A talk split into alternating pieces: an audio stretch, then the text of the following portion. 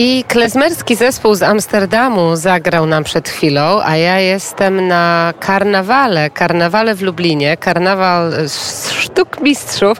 Przede mną bardzo dużo ludzi, jest naprawdę piękna pogoda, piękne kamienice i restauracja Uszewca, bo właśnie tutaj jest nasze wyjazdowe studio. I ta muzyka żydowska też klezmerska jest obecna na festiwalu właśnie w Lublinie. A powiem Państwu kiedy dokładnie.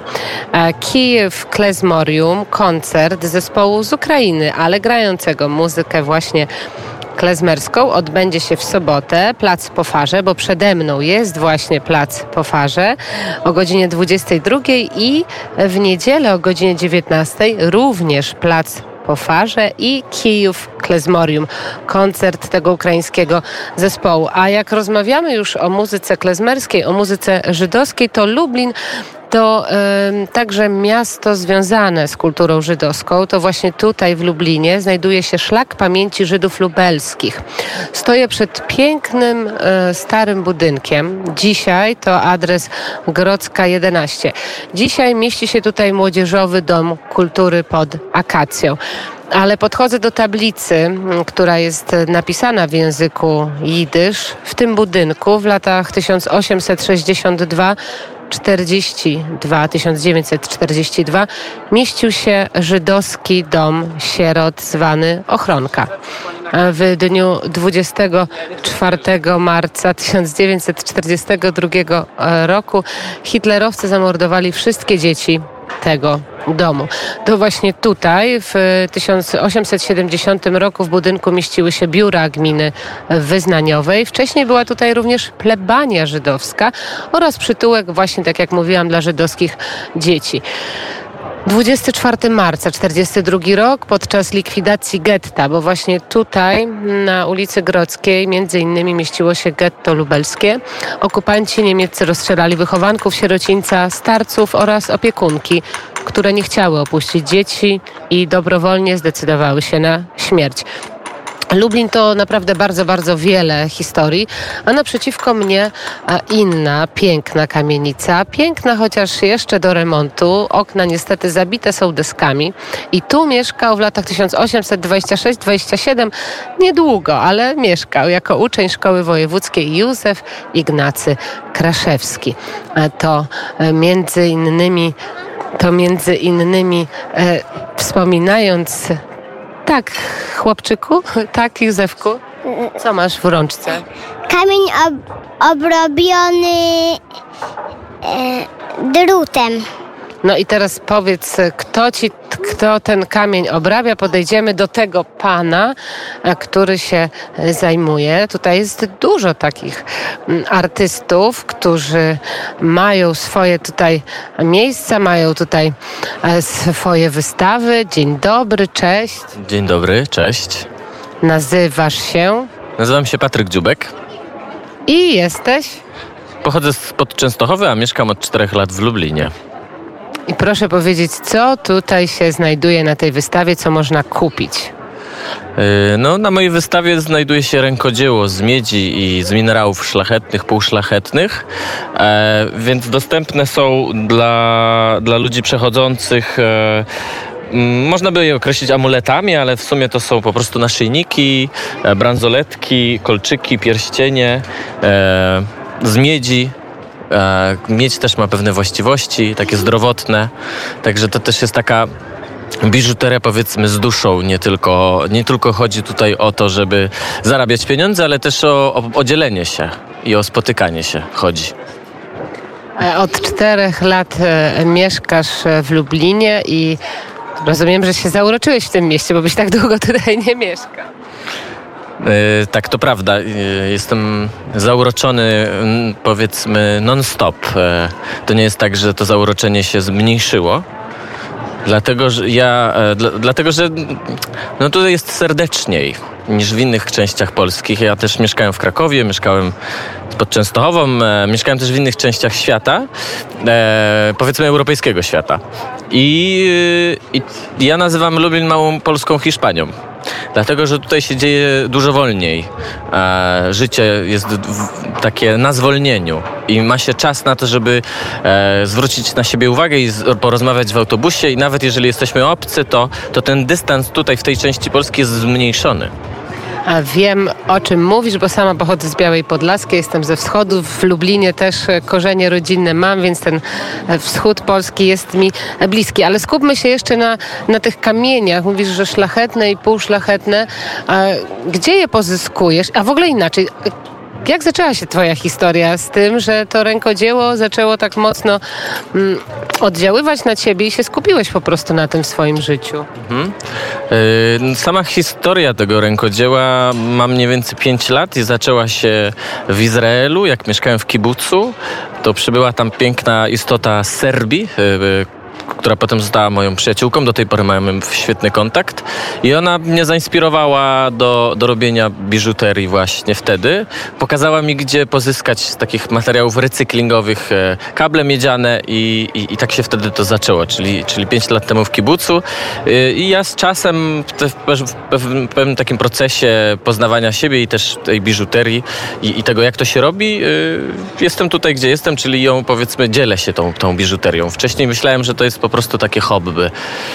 Także taka jest mniej więcej historia.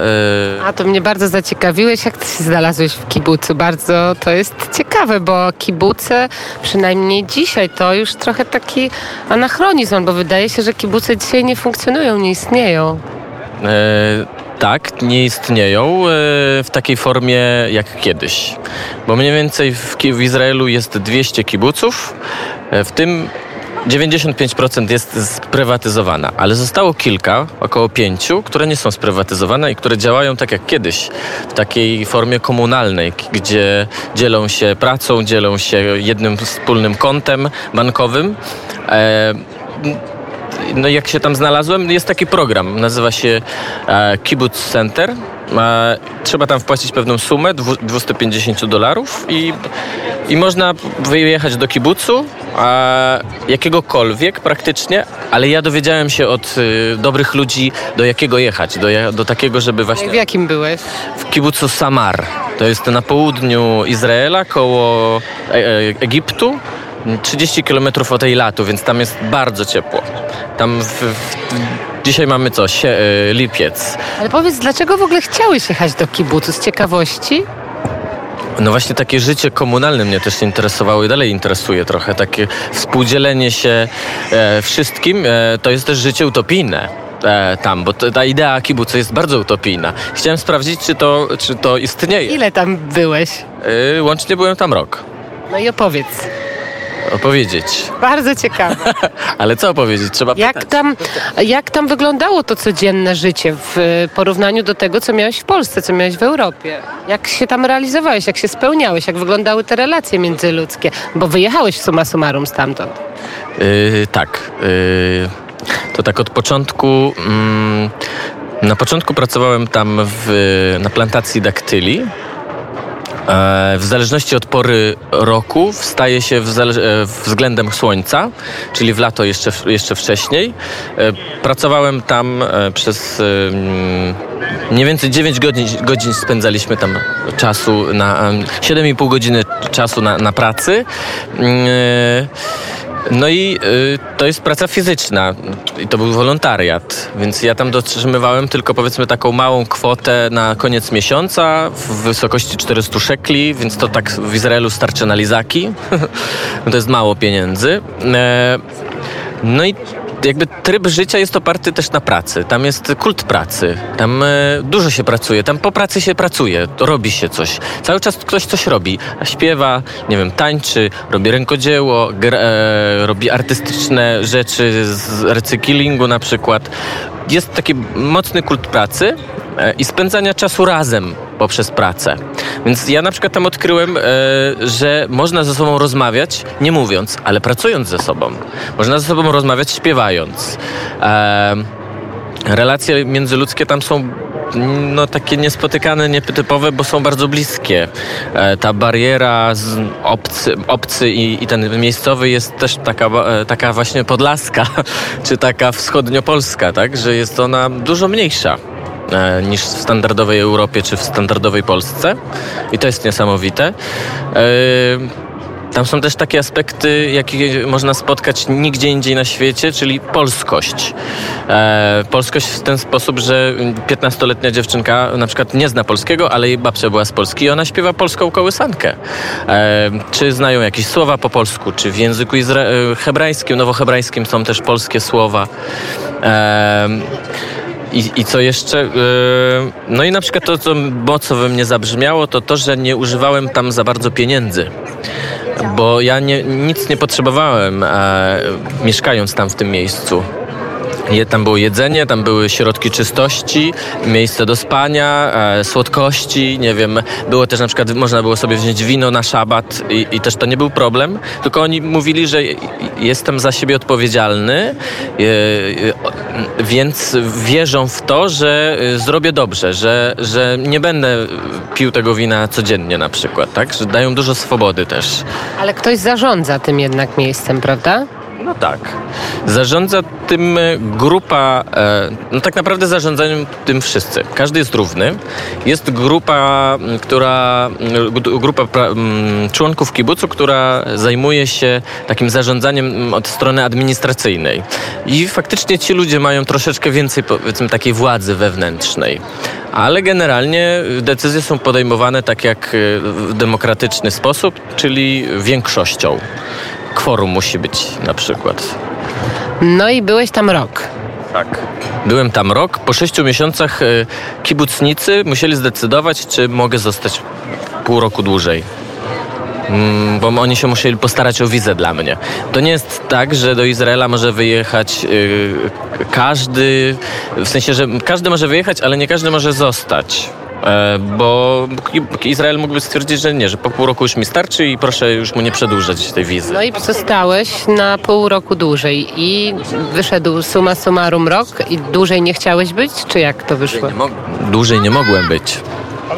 Po roku e, mógłbym wrócić tam za rok, na kolejny rok i po roku przerwy znów na rok, łącznie trzy miesiące. Na tym programie wolontariackim można być i w państwie Izrael. Ja jako nieżyd, bo to o to też chodzi, że w państwie Izrael y, jakby są zapraszani powiedzmy no Żydzi, tak? Żydzi z pochodzenia. A, a ktoś, kto jest tak zwanym gojem, y, niekoniecznie jest mm, im potrzebny do tworzenia społeczeństwa. A jak wygląda edukacja? Zresztą jak wiekowo mm, można być w tym kibucu? Yy, no nie ma w sumie ograniczeń. Od 18 roku życia można być w tym kibucu do...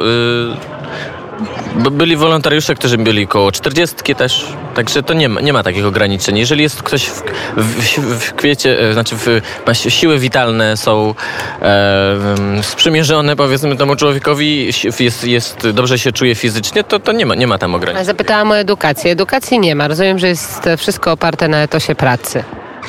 I edukacja jest, tylko trzeba o nią zapukać poprosić. Na przykład ja uczyłem się hebrajskiego z kibucnikiem, który y, miał po prostu chęć uczyć y, y, wolontariuszy języka hebrajskiego. Ja miałem chęć się uczyć, on miał chęć uczyć e, kogoś, więc tak żeśmy się powiedzmy spotkali w drodze i, i on uczył mnie przez kilka miesięcy e, Joe, e, który pochodził z Australii, e, uczył mnie hebrajskiego. Tak samo na przykład, nie wiem, jeżeli chodzi o takie rękodzieło, to tam ludzie też cały czas coś robią. Robią, nie wiem, e, biżut, rzeźby z awokado, zaschniętych pestek. I to też jest taka powiedzmy, można się czegoś nauczyć. To jest edukacja, ale trzeba o nią zapukać, e, zapytać. E, tak jak e, Państwo słyszą tutaj od jednego z budynków, który był związany właśnie ze społecznością żydowską, poprzez rękodzieło doszliśmy i tak do Izraela i do kibuca. Ale to jeszcze proszę powiedz, jak, skąd pozyskujesz te metale szlachetne? Masz swoich dostawców, jeździsz gdzieś, bo no to też na pewno jest nieprzypadkowe. Yy, tak. Jeżeli chodzi o, o, o minerały, yy, to na początku pozyskiwałem je z giełdy kamieni, tak zwanej giełdy kamieni, która się działa w Uniwersytecie Przyrodniczym w Lublinie. ale przyszła taka, taka mara, to pandemia i, nie było takiej możliwości. Po prostu nie odbywały się takie giełdy, więc popytałem znajomych, którzy też są rękodzielnikami tak zwanymi i polecili mi pewną stronę internetową zaufaną i z niej korzystam do tej pory. E, Albo właśnie z, była kilk, w maju była giełda kamieni w Lublinie, więc tam też, tam też poz- Główne kierunki, z których sprowadzasz kamienie, to No to y, giełda kamieni albo internet. chodzi mi o kraje. A o kraje. Kraje pochodzenia. To jeżeli chodzi o kraje, to, to tak naprawdę każdy mm, minerał praktycznie może być z innego kraju. To mm, jakby tym się nie kieruje. E, Są też, są też minerały z Polski, to na przykład będzie, nie wiem, kryształ górski, ale są też takie, które są z Madagaskaru, tak? Także A powiedz, co na tym czerwonym sznureczku masz ty zawieszone na szyi? y, ja mam zawieszony turmalin.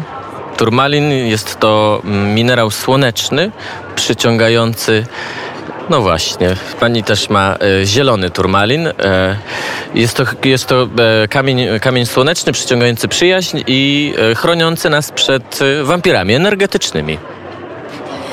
To bardzo cenna rada, a na przykład ten tutaj, granatowy, pierwszy, to co to jest? Ten granatowy to sodalit. E, Sodalit wspiera e, sferę umysłową, logiczne myślenie, jasnowidzenie e, i kreatywność. Takie ma właściwości.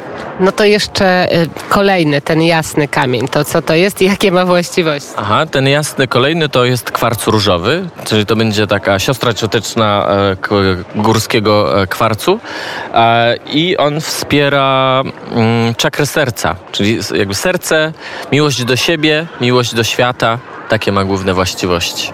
Na pewno jeszcze wiele moglibyśmy powiedzieć e, o tych kamieniach, ale czas nas goni. Czy można gdzieś e, zapoznać się z tymi pracami w internecie? Proszę podać jakiś kontakt, bo nasi słuchacze może zechcą trochę więcej zobaczyć.